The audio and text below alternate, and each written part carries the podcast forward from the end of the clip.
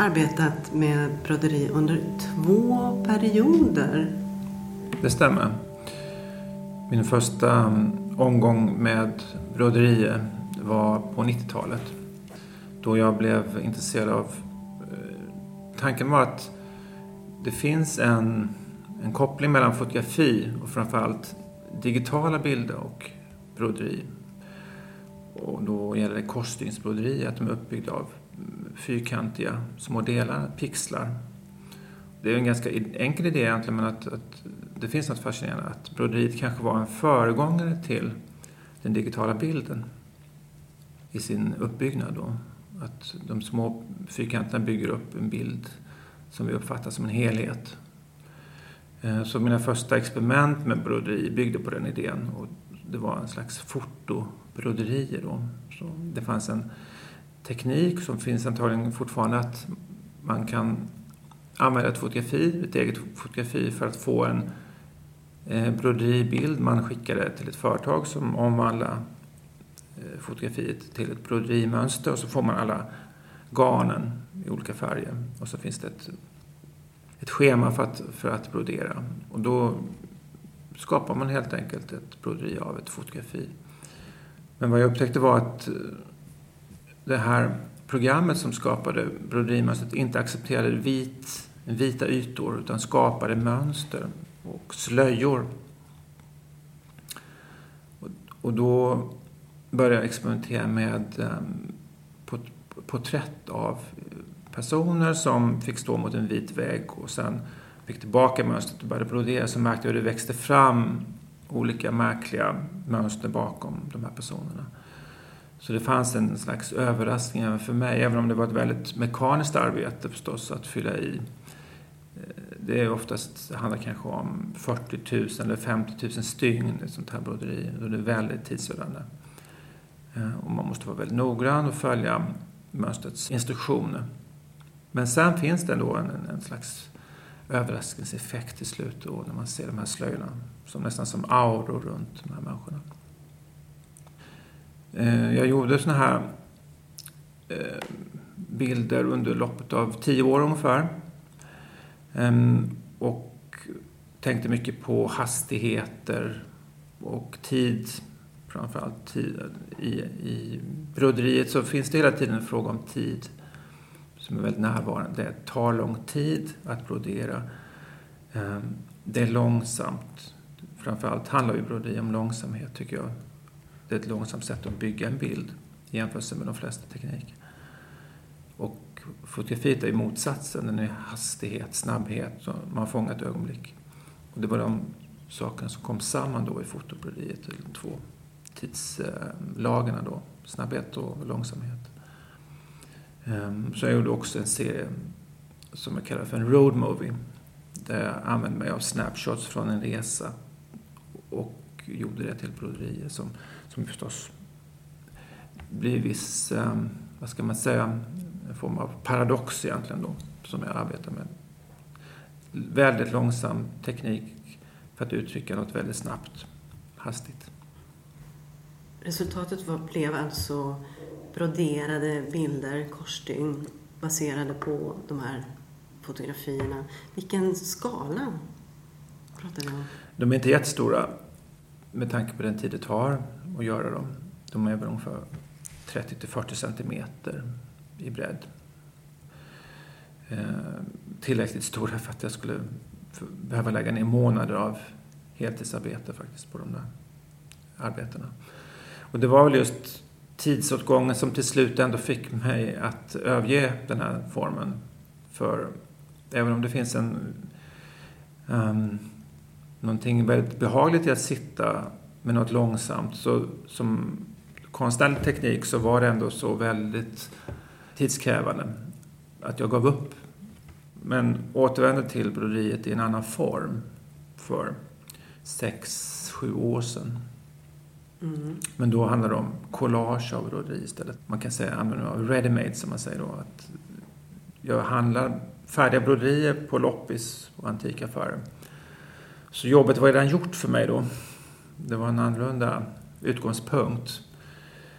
Och på samma sätt så var jag ju då förstås väldigt tagen av den tiden som var inkapslad på något sätt i de här broderierna. Att många av de saker man hittar på loppis eller på antikaffärer det första man tänker på är ju vilken tid det har tagit att göra de här. Vilken omsorg också. Ja. Mm.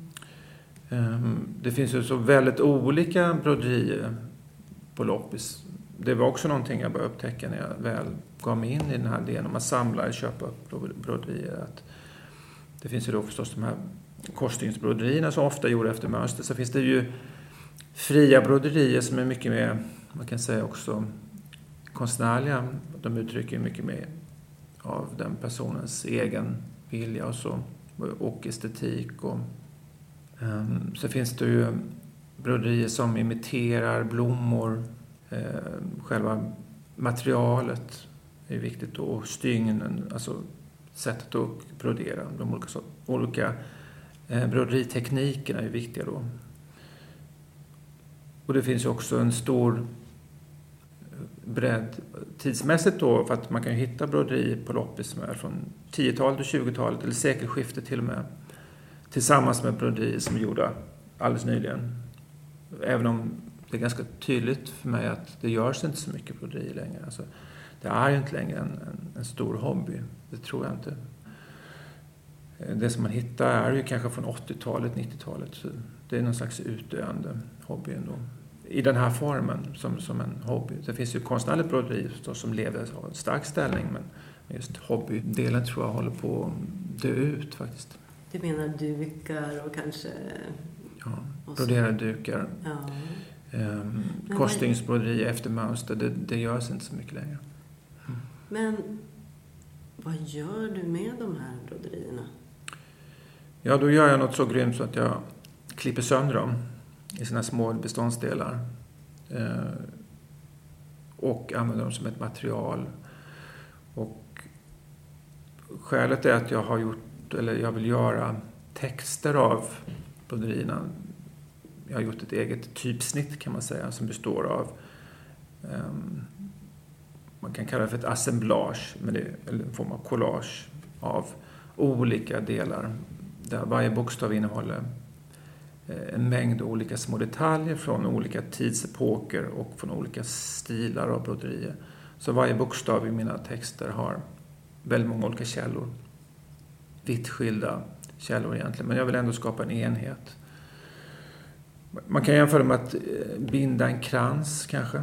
Att man, när man binder en krans så sätter man ihop blommor eller växter från olika eh, platser som bildar liksom en form när man gör ett O, till exempel i mitt eh, broderisystem, då är det som att man binder en krans av olika eh, broderade blommor. När man ser de här, de här senare verken på håll så ser man inga detaljer utan man ser ett väldigt specifikt återkommande typsnitt just. Mm. Alltså de har ju en väldigt specifik övergripande form. Alltså, mm. när man går närmare så ser man ju att de alla är uppbyggda av helt unika små detaljer. Mm. Då, och så skriver du då ord. Ja, just det. Eh, det kan ju vara också små delar som kommer från eh, broderade djur eller människor också. Så eh, det kan finnas en arm eller en fot eller så finns det eh, som kombineras ihop med blommor och landskapssömmar till exempel. Inte minst Blekingesöm tycker jag är en av mina favoritsömmar. Hallandssöm. Sådana här sömmar som är också nästan abstrakta i sig själva. Hallandsöm är till exempel ofta abstrakta former som kosmologiska eh, och eh, bibliska betydelser och sådana saker, symboler. Eh, men alla de här sakerna kan ingå i mina bokstäver, mitt typsnitt. Och eh, utgångspunkten är väl då att man använder ju broderier för att skriva texter och då framförallt det som jag har vuxit upp med. Eh, jag kommer från Småland och alla mina mostrar och den enda generationen de hade de här eh, broderade bonaderna på väggarna. Som man ofta, eller alltid nästan kan man säga, har någon slags, eh, det är en slags moralism då som handlar om att hemmet är den bästa platsen och sol ute, sol inne, sol i hjärta och sol och sinne. Och så här att eh, eh, livet i hemmet är skyddat och det är den, den bästa platsen. Det kan handla om att kaffe är gott och sådana saker. Men i grunden så är det en form av moralism kan man säga. Jag ser ju på de här texterna på lite annat sätt än att de bara skulle vara idylliska då. Utan tänker att, de, att det i grunden, alltså bakom de här texterna finns egentligen en form av fruktan. Det är min utgångspunkt. Att, och det finns ju en idé om moralismen att bakom varje moralism finns det fruktan egentligen. För kaos eller för förstörelse. Det finns också en slags att man intalar sig själv genom att skriva en sån här text. Att, att man lever på den ideala platsen, det skyddade hemmet. Så. Men också det här att sätta ord på en vägg är mm. ju någonting annat än att läsa det i en bok kanske. Ja, ehm, just det, precis. Att orden på väggen får en helt annan kraft och en annan betydelse.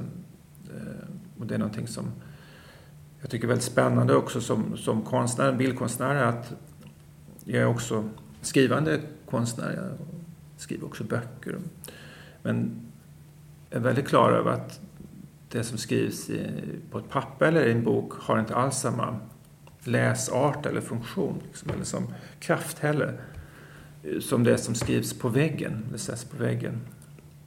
Och jag tänker att det finns en slags nästan arkaisk idé kring texten på väggen. Alltså att den, och det går tillbaka till Bibeln egentligen. Att, ehm, det, det, finns en uttryck som heter writing on the wall, skriften på väggen. Att det är en varnande text som kommer upp på väggen.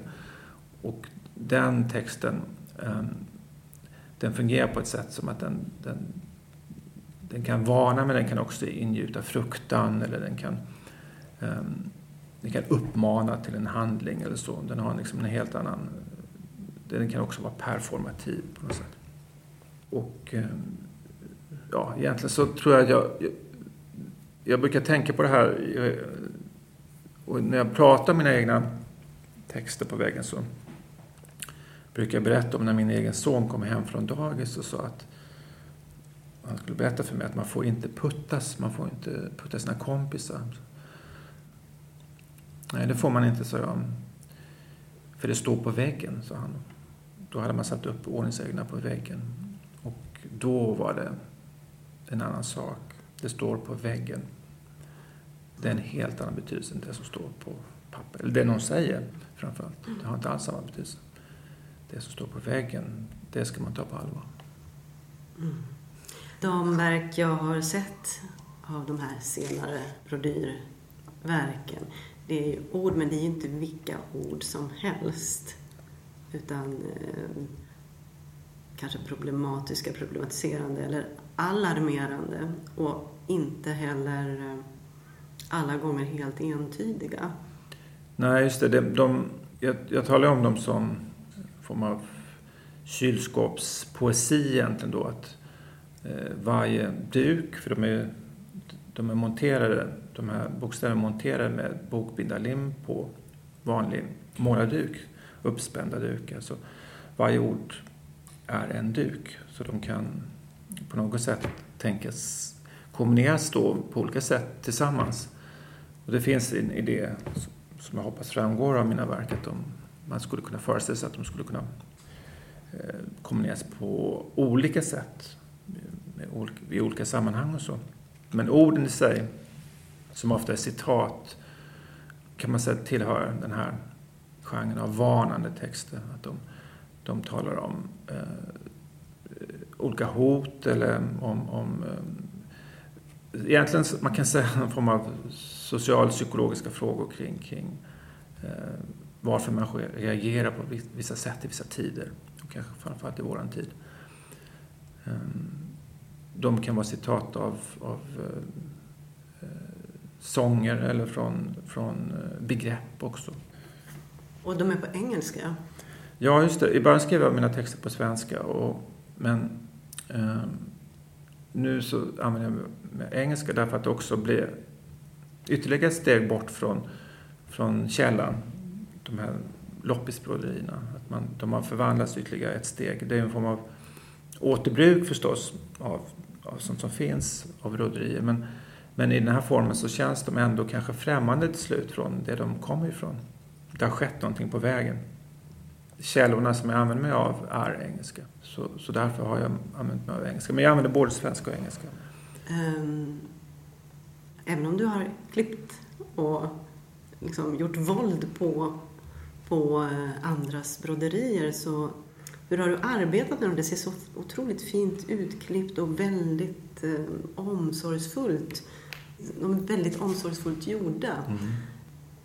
Ställer du det i någon sorts relation till den här handens eh, den här eh, hantverksmässiga, mm, långsamma, omsorgsfulla eh, akten att, att brodera? Ja, att jag slutade brodera själv var ju att jag tyckte det tog till slut för lång tid att göra de här fotobroderingarna. Det var så tidsödande. Men det har jag inte kommit ifrån med de här arbetena heller, utan det är väldigt tidsödande och det är väldigt pilligt arbete. Men jag tycker om det också förstås. Att, att klippa ut broderier, eh, det kräver väldigt noggrannhet då. Och ner till alltså, nivån att man måste klippa per tråd och så. Ehm, så det är ett väldigt pilligt arbete. Eh, och för att skapa de här bokstäverna så måste det vara en precision nu förstås. Eh, och vad som helst kan inte kombineras utan det finns eh, krockar, det finns harmoniska lösningar men tillsammans, slutgiltigt så måste det finnas en idé kring varje bokstav. Så det är, ju, det är en form av noggrannhet i arbetet som, som finns där. Ehm, så tidslagarna i de här är av två slag. Då. Dels så är det ju att jag har kombinerat broderier från väldigt olika tider. Så det kan i samma bokstav vara enskilda delar som är från sekelskiftet nästan fram till idag. Men samtidigt så är ett annat tidslag förstås själva arbetet i sig. Att det är tidskrävande att göra de här arbetena. Så tiden finns där på flera sätt. Mm. Det är nästan som det är inbyggt i materialet. Det vill inte riktigt släppa ifrån sig sina tidsanspråk. Nej, och flera av de texterna som... Alltså betydelsen av texterna eller tolkningen av texterna handlar mycket om tid också. Ehm, det finns ett tema, ett av temana i de här texterna är ehm, de tre tidslagarna. Alltså dåtid, nutid och framtid. Det, är ju, det känns ju grymt att sätta Eh, saxen i flera, eller en del av de här broderierna som är så oerhört fina och, och så noggrant gjorda. Och det finns tillfällen jag inte kan det också, utan jag lägger dem till min samling. Så numera har jag byggt upp en liten samling broderier också. Ehm, men hela tiden så försöker jag motivera mig själv med att de här broderierna får ett annat liv. Alltså de får ett nytt liv. De, de, jag ger dem ett nytt sammanhang. Och på ett sätt är det då inte kanske bortkastad tid att de, de får leva ett nytt liv, de här broderierna, som kanske annars eh, skulle tyna bort i hörnet på någon loppis. Men samtidigt tänker jag då att i framtiden kommer ju inte finnas mycket broderier kvar. Att det här är en utdöende åtminstone de här formerna, de här sortens broderi är ju, tillhör ju utdöende hobby som man nämnde tidigare.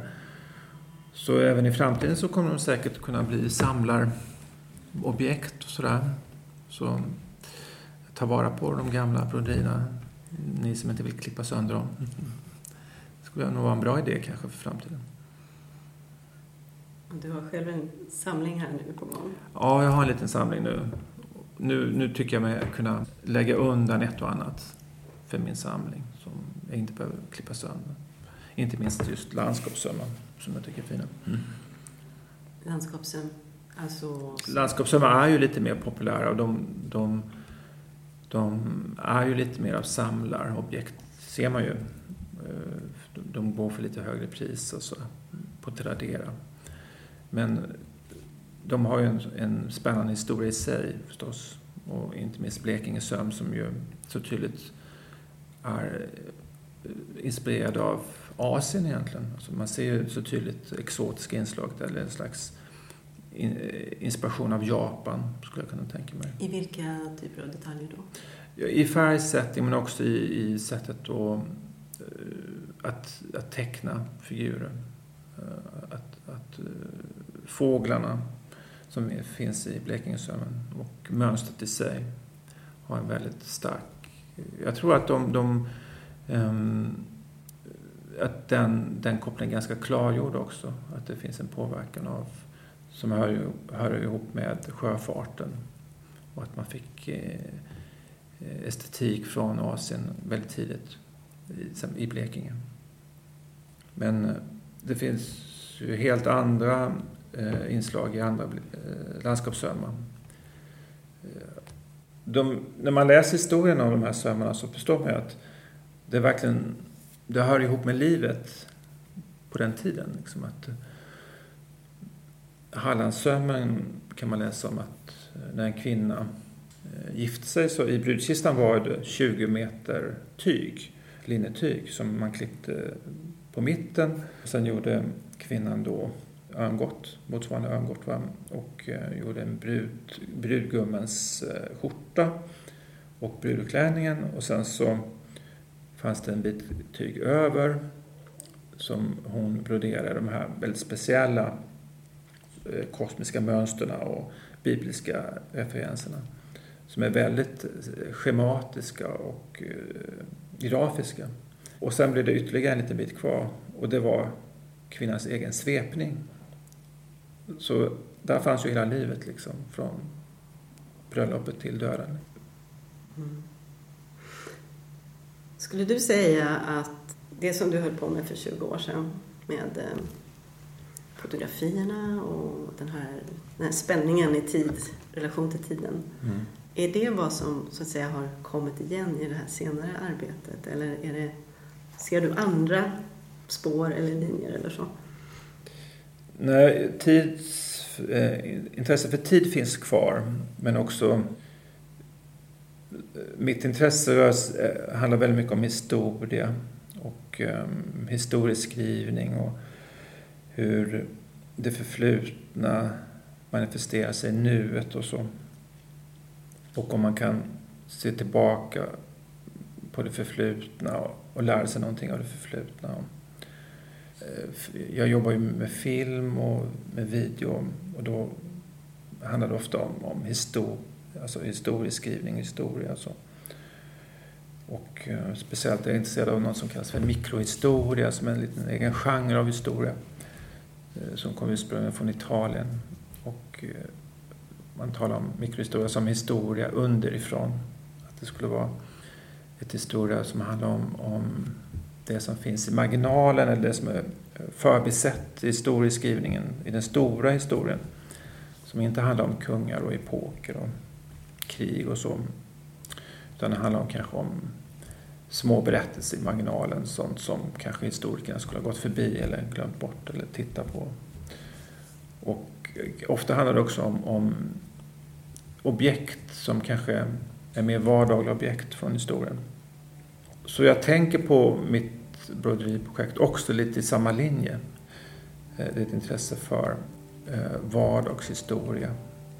Eh, man kanske inte ställer ut de här broderierna på Röhsska museet. De kanske inte tillhör den designhistorien eller, något sånt, eller konsthantverkshistorien heller riktigt. Utan det här är väldigt så här, vanliga broderier som människor har gjort på sin fritid.